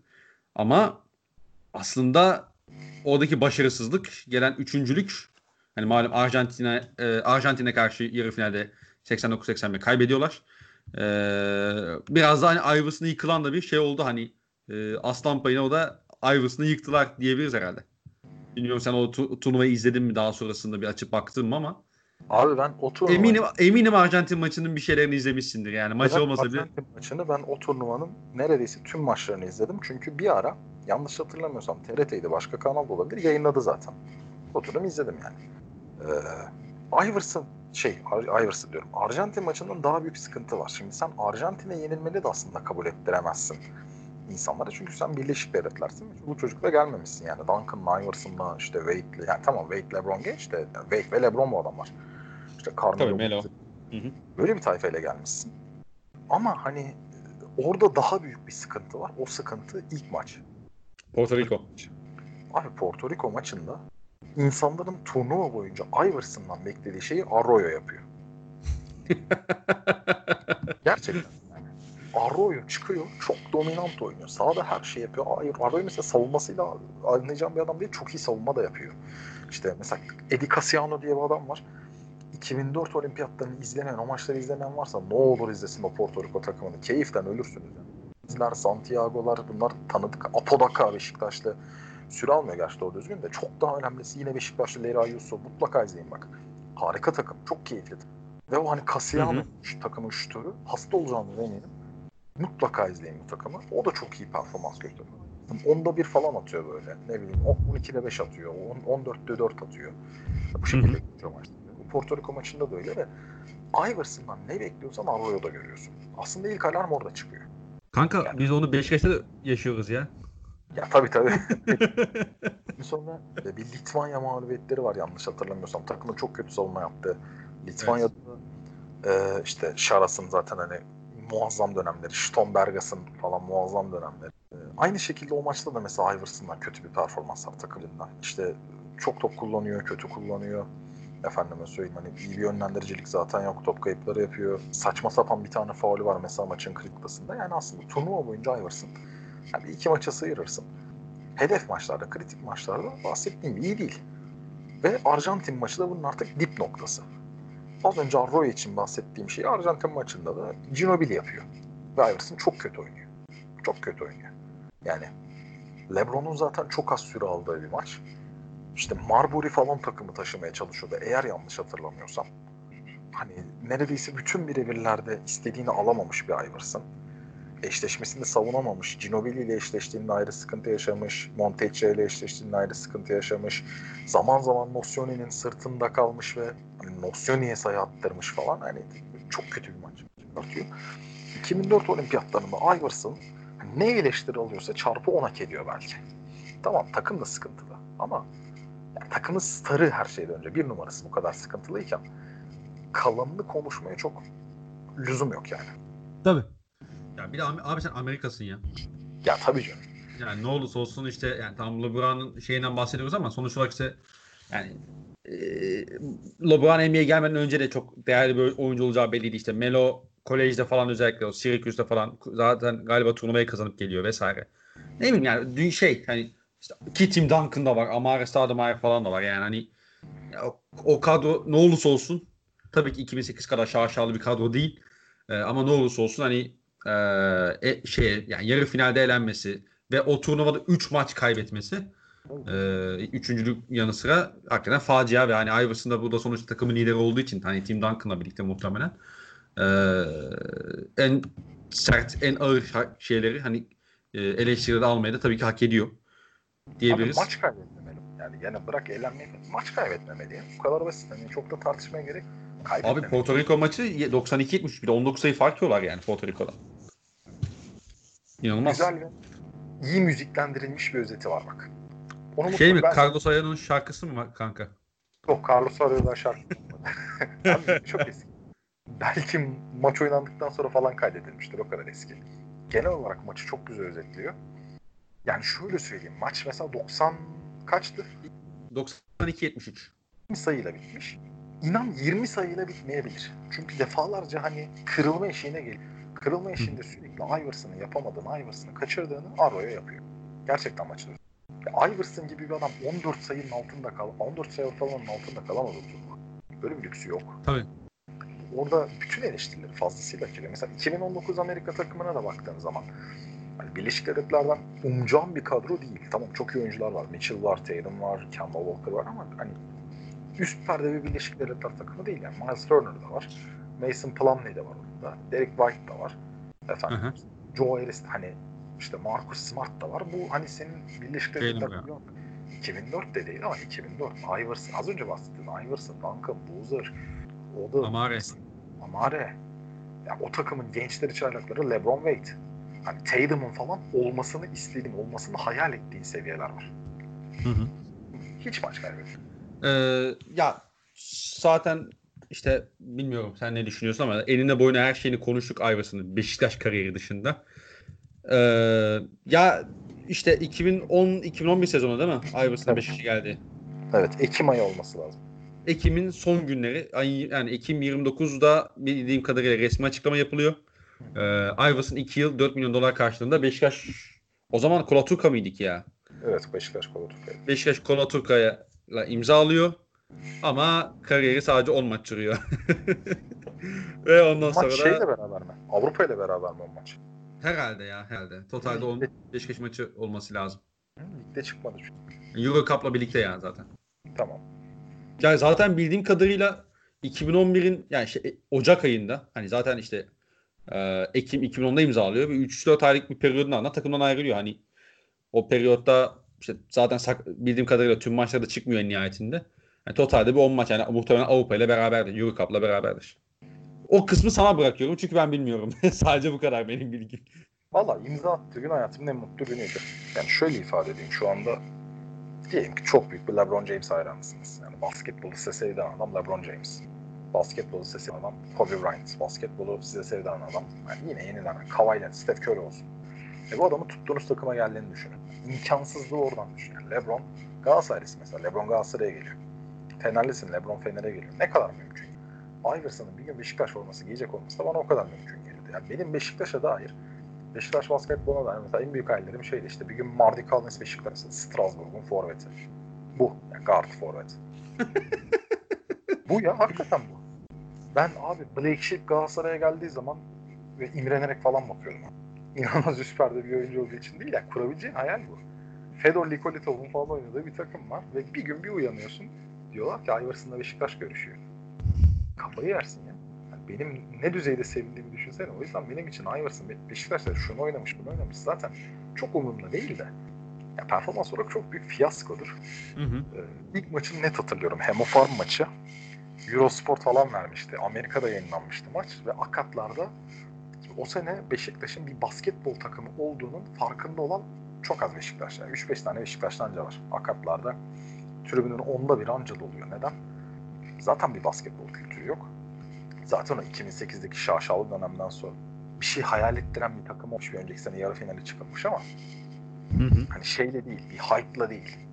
Ve çok daha önemlisi futbolda Kovarejmalar gelmiş, Guti gelmiş insanlar tamamen futbolda. Gerisi umurlarında değil. Yani basketbol ilişkileri şey. 2010 Dünya Basketbol Şampiyonası yarı final maçında millet İnönü'ndeki scoreboard'dan izledi. Yani Beşiktaş evet. öyle öyle yani. Beşiktaş taraftarının basketbolla alakası o kadar. Şey Iverson- diyorsun değil mi sen? Sırbistan maçı vardı oraya. Evet evet evet yani Nihat Kahveci Ankara, Ankara gücü maçı. 4 Aynen. 4-0 bitmişti. maçtan sonra hani tribün de anlamıyor son saniyede basket attığınızı. Sağ içinde Nihat falan zıplıyor da öyle anlıyorlar yani. Ö- ö- öyle bir dönem. Abi Iverson geldikten sonra ilk maç Hemofarm maçı. Tribün full. Berbat bir ortam. Hani Bir şey söyleyebilir miyim ya? Bir şey Tabii ki. söyleyebilir miyim?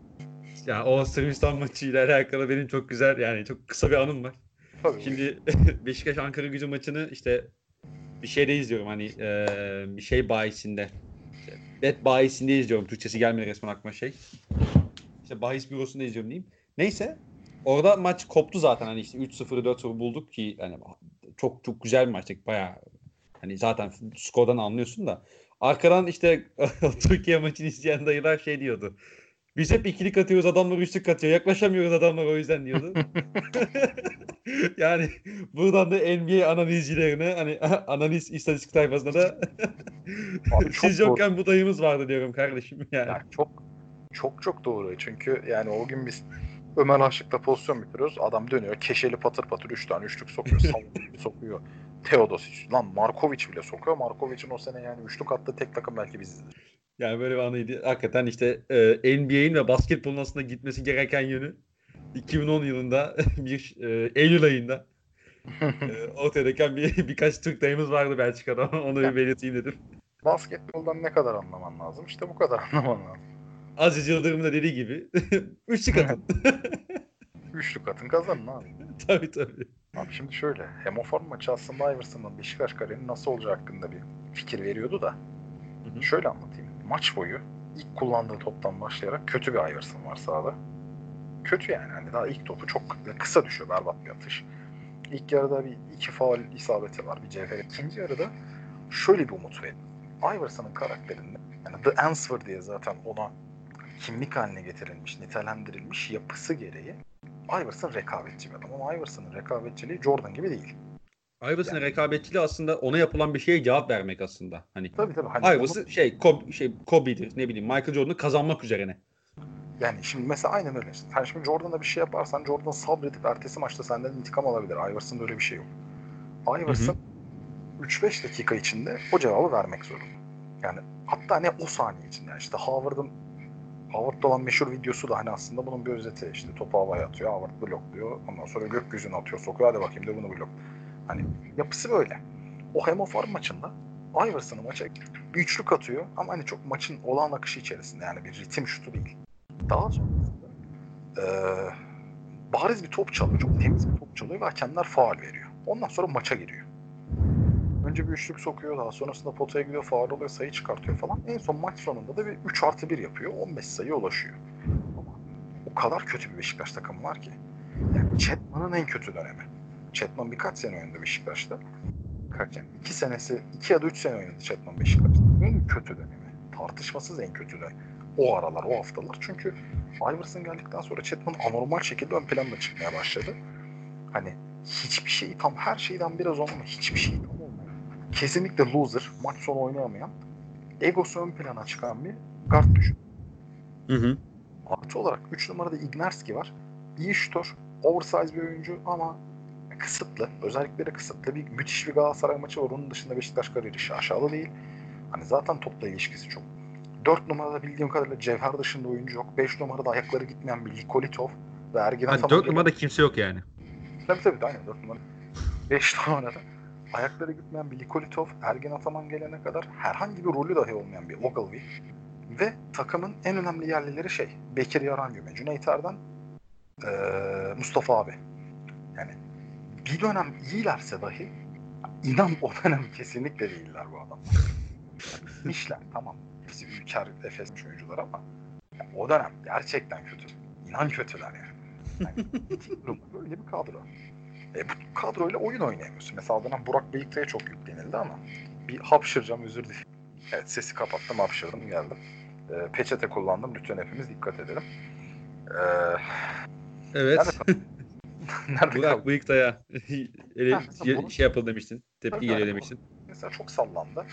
Kısmen şöyle de haklı olabilir. Ergen Ataman geldikten sonra takım biraz daha düzene girdi falan pişman ama gireceği de bu kadar. Yine çeyrek finalde elenen bir çekirdek. Kötü bir kadro. Çok kötü bir kadro. Hı hı. 91-84'ten sonra Akatlar'da 1-1,5 dakika içinde 10-0 seri yiyip maç kaybeden bir kadro.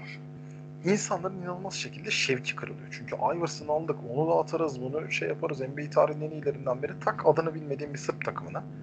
Yani fena da e, bir hava yakalanmamış yani. Iverson üst üste hani belli bir dakikadan sonra falan. Maç var çıkıyor maç alıyor senden. Hava da alıyor. Yine de hafta sonu, aynı hafta sonu Fenerbahçe maçı var. Fenerbahçe maçında çok daha sağlam bir tür. Çok daha ateşli bir kalabalık. Ve aslında çok daha kafa kafaya ve dengeli, disiplinli giden takımın nispeten iyi savunma yaptığı bir maç. Abi maçı iki eşleşme aldı. Biri Uki Chatman eşleşme. Kısmi Uki Biri Ömer Onan Iverson eşleşmesindeki ağır Ömer Onan. Ömer Onan 20 sayı atıyor Iverson'a karşı. Iverson onu savunamıyor. Ve Ömer Onan Iverson'ı öyle kilitliyor ki bir tane close range şutu dışında Iverson iki sayısı var adamın. Yani çok büyük bir dünya yıldızı. En büyük efsanelerinden. Peki ilk maçı derbi ve Ömer Onan'ı böylesine bir daha hiçbir maçta akatlarda olmadığına kadar. Ki Iverson'a ne kadar oynadı zaten ondan sonra. Ama hani yani kimse şey diye de gelmedi. Ya Iverson var gidelim izleyelim. Yok. Hı hı. Hı hı.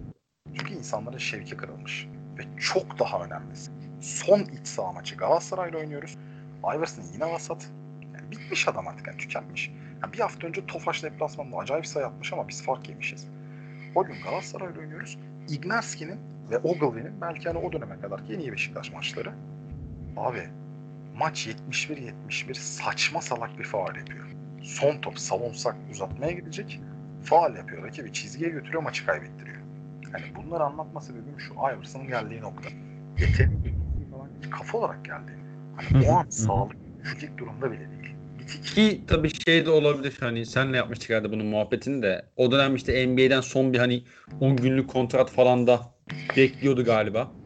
Hani buraya tam anlamıyla konsantre olmamış olabilir en nihayetinde. Abi Galatasaray maçından sonra olması lazım. Beşiktaş'ın başına Ergin Ataman geldi. Müthiş bir Efes deplasman oynadık.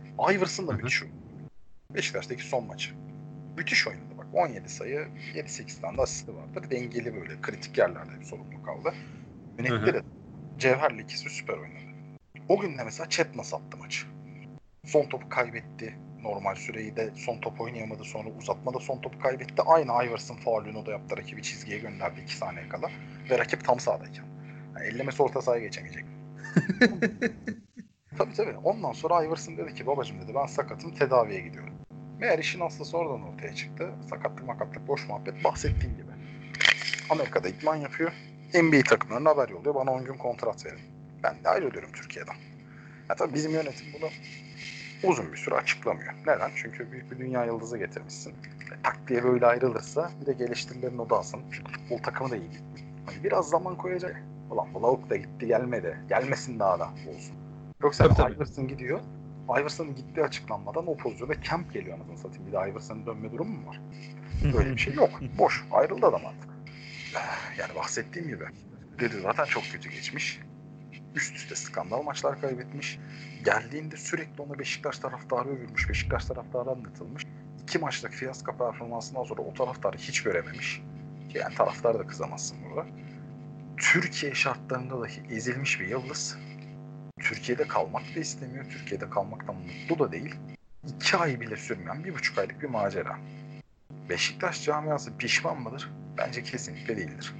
Türk spor tarihine gelmiş en büyük e, bence iki adamdan biridir. Roberto Carlos'la kıyaslanır bence. Popülarite olarak Iverson birinci sırada. Kariyer başarısı. Ya ben mesela hani Carlos, Iverson, Drogba şeklinde yaparım sıralamamı kendim. Hı hı. Çok Hı hı. Hani bir gün dahi, bir idman dahi Beşiktaş formasını izlemek için zaten iddiasız olan bir takımda yani Demirören'in cebinden çıkmış 2 milyona değer. Ama abi yani. hani nihayetinde Beşiktaş'a verdiği katkı gerçekten Ignarski kadar bile değil. Yani ben hiç beğenmem oyun tarzını. Kemp'in çok uzağında. Az önce salladığım Chatman'dan hiçbir artısı yok. Berbat bir dönem. Çok kötü bir dönemdi yani. Çok kötü bir sondu onun için. Böyle bir kariyere yakışmayacak bir sondu. Ya NBA kariyeri de aslında hani Iverson ismine yakışmayacak derecede bir sondu baktığında. Tabii tabii tabii. Beşiktaş kariyerinde hakeza öyle söyleyebiliriz. Ee, ama Iverson ondan sonra o kontratı da alamıyor. Ve daha sonrasında hani işte emeklilik kararını açıklıyor. Ee, ve artık basketbola son veriyor zaten. Yani benim Iverson'la alakalı ekleyecek bir şeyim yok. Bir buçuk saate de yaklaştık. Dolu dolu konuştuk. Ee, senin de eklemek istediğin e, ya da işte anlatmak istediğin başka bir konu var mı kardeşim? Ya ben hani bir gün bu adamla konuşma şansım olsa gerçekten teşekkür etmek isterim. Çünkü basketbol gibi harika bir sporu bana sevdiren yayın biraz söyleyeyim iki adamdan biri. Genel olarak objektif baktığımda Iverson'a eleştirel yaklaşan insanlara kendini daha yakın görüyor olmama rağmen bu benim olan sevgimi kesinlikle değiştirmiyor. Gerçekten çok sevdiğim bir adam. Ben az önce bahsettiğim aykırı karakterleri kendi yapımdan geleyim. Hı. Disiplinli, işinde gücünde ne Duncan gibi adamlara göre daha çok seviyorum. Aslında saygıyı hak eden tiplemeler. Duncan gibi, Noel gibi tiplemeler ama dediğim gibi yapı, kişilik meselesi bana göre oynadığı sporu renklendiren, her açıdan renklendiren, isyankar Ama saha içinde de zeki oyuncular. Bunu düşük IQ ile yapmayan büyük oyuncular. Bu sporları güzelleştiren ve büyüten adamlar. Yani en azından ilgi çeken ve hani kahraman olmaya, insanların çocukluk kahramanı, gençlik kahramanı olmaya çok teşne oyuncular. Iverson benim için öyleydi. Çok seviyorum. Yani bir daha da mesela hani o yapıda bir adam gelir mi? Yani gidip Kobe'li, Shaq'lı, Lakers'a kafa tutacak. Hapisten çıkıp gelip o noktaya ulaşacak bir adam.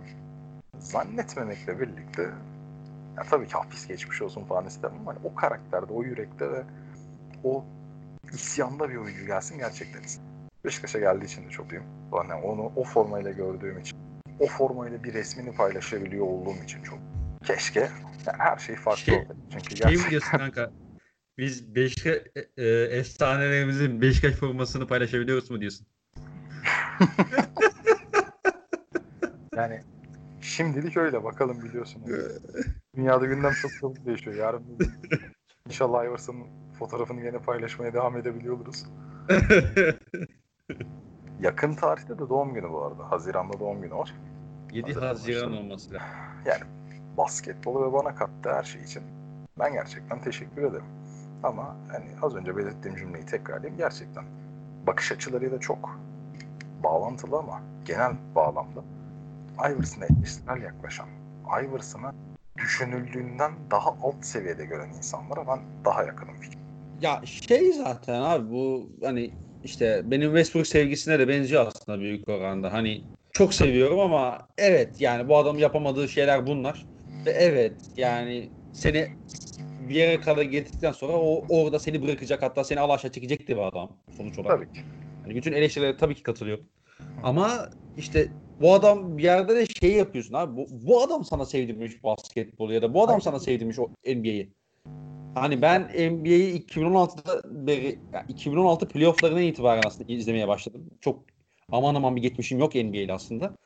Ama işte Westbrook abi yani o şimdi o adamın yaptığı bütün hataları tabii ki konuşabilirsin ama ya bir yerden sonra dönüp dolaşıp ulan yani bu adam olmasa sen belki bu ligi izlemeyeceksin. Ya da çok az izleyeceksin. Bu kadar severek izlemeyeceksin belki de. Abi şöyle anlatayım. Mesela Duncan mı daha saygı duyulası bir adam? Iverson? Westbrook bu adamlar. E, Duncan. İstisnalar tabii ki vardır ama Duncan gibi adamları basketbolu sevdikten sonra tabii irdeler ve saygı duymaya başlar. Bana beni basketbola Duncan başlattığı gibi nadirdir. Ben bana bu oyunu bu sevdirdi. Çok nadirdir. Nadirdir. Öyle. Öyle Hani. Futbolda bana futbolu Xavi sevdirdi. Duymadım. Çok da az duyarım tahminim. Mükemmel bir adam. Ama hani sen sahada bir Ya sana futbolu Ronaldinho sevdirmiştir abi. tabii ki tabii Bu ki. kadar basit. Sen sahada bir yetenek deposu ve çok şahsına Diğerlerinden sır bir adam. aykırı bir adam istiyorsun bir de. Efendim? Diğerlerinden ayrışan ondan daha aykırı bir karakter istiyorsun aslında. Tabii ki, görmek. tabii ki, tabii ki. Yani şimdi mesela insanların Muhammed Ali'yi, Mike Tyson'ı bu kadar sevmeleri sadece bu adamların iyi yumruk atıyor olmaları değil. Yani bu olsaydı mesela şu anda Klitschko'ların Ukraynalılar dışında dünyadaki hani böyle gençlere bilmem inanılmaz boks sevgisi aşılamaları gerekir. Çünkü dönemin tamam belki o seviye olup olmadıkları tartışılır ve değiller. Hani bir dönemin boksta 1 ve 2 numaralı adamları Vladimir ve Vitali Klitschko'ydu. Hı hı. Bu adamlar dünyaya anormal bir boks sevgisi vermedi. Ama Tyson ve Muhammed Ali verdi. Çünkü bu oyun olan inanılmaz yetenekleri dışında karakterleri, kişilikleri ve renkli yapıları hani o, özellikle Tyson mesela serkeş yapıları insanları çekti.